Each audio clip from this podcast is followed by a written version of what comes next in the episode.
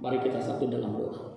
Bapa kami dalam surga, kami bersyukur pada kesempatan ini kami mau mendengarkan firman-Mu. Urapi kami semua, urapi hambamu, biar apa yang disampaikannya memberkati kami semua. Di dalam nama Tuhan Yesus kami berdoa mengucap syukur. Haleluya. Amin. Shalom saudara, apa kabar? Saya berharap kita semua sehat. Ya. Firman Tuhan pada kesempatan hari ini berjudul menciptakan rasa haus akan Tuhan. Diambil dari Lukas pasal 16 ayat 19 sampai 25. Lukas 16 ayat 19 sampai 25. Saya akan bacakan buat kita semua. Dikatakan begini.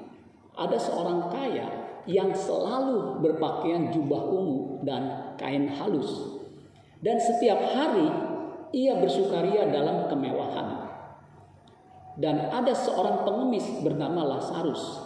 Badannya penuh dengan borok. Berbaring dekat pintu rumah orang kaya itu. Dan ia ingin menghilangkan laparnya dengan apa yang jatuh dari meja orang kaya itu. Malahan anjing-anjing datang dan menjilat boroknya. Jadi ini suatu yang kontras orang kaya yang selalu berpakaian jubah ungu, kain halus, setiap hari bersukaria dalam kemewahan. Sementara ada seorang yang namanya disebutkan Lazarus itu berbaring di dekat pintu rumah orang kaya itu, badannya penuh dengan borok, sakit-sakitan.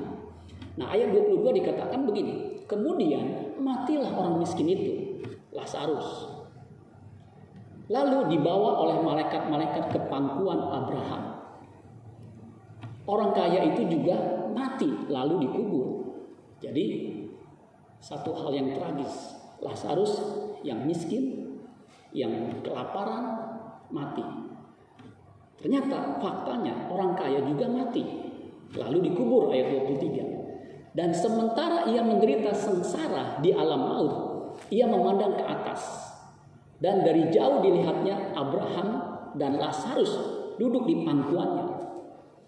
Lalu ia bersuruh katanya, Bapak Abraham, kasihanilah aku. Suruhlah Lazarus supaya ia mencelupkan ujung jarinya ke dalam air dan menyejukkan lidah. Sebab aku sangat kesakitan dalam nyala api ini.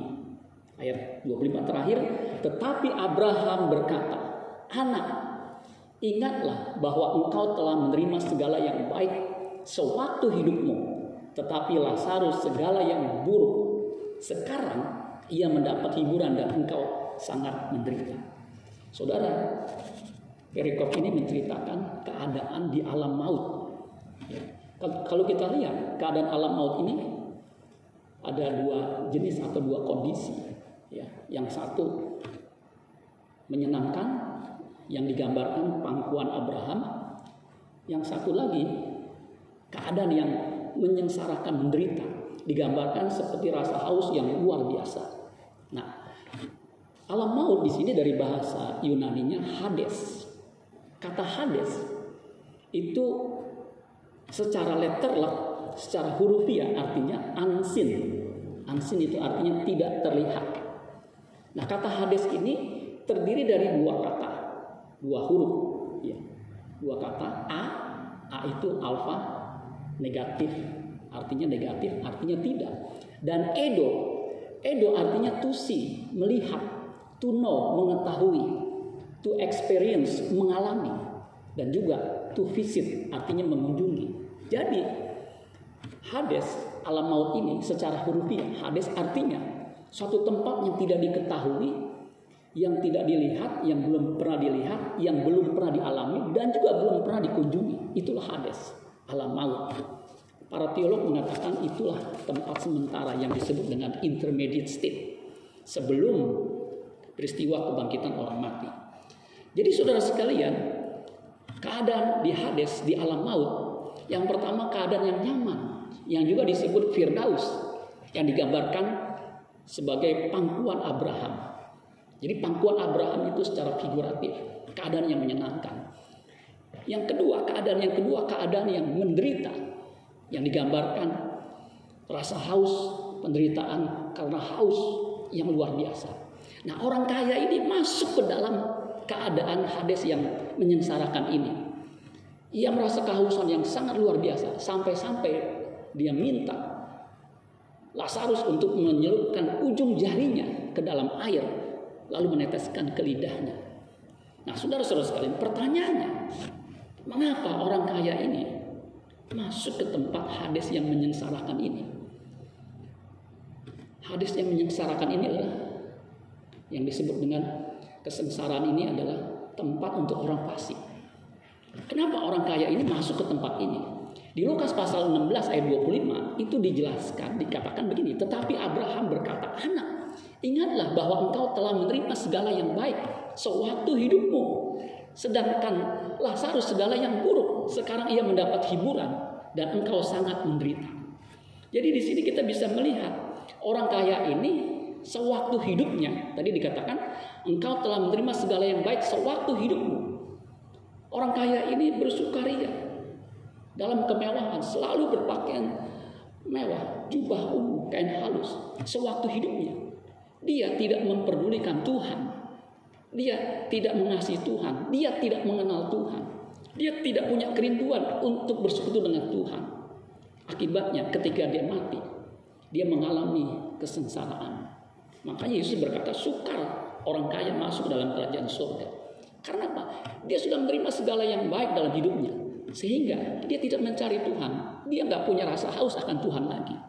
Dan itu juga terbukti ketika ada Lazarus di depan pintu rumahnya yang berbaring dalam keadaan sakit, kelaparan. Dia tidak menolongnya. Padahal dia sangat sanggup untuk menolongnya. Sebab dia sangat kaya dan luar biasa kekayaannya. Karena dikatakan setiap hari bersukaria dalam kemewahan. Nah, saudara sekalian, rasa haus akan air itu otomatis kalau kita nggak minum kita akan haus.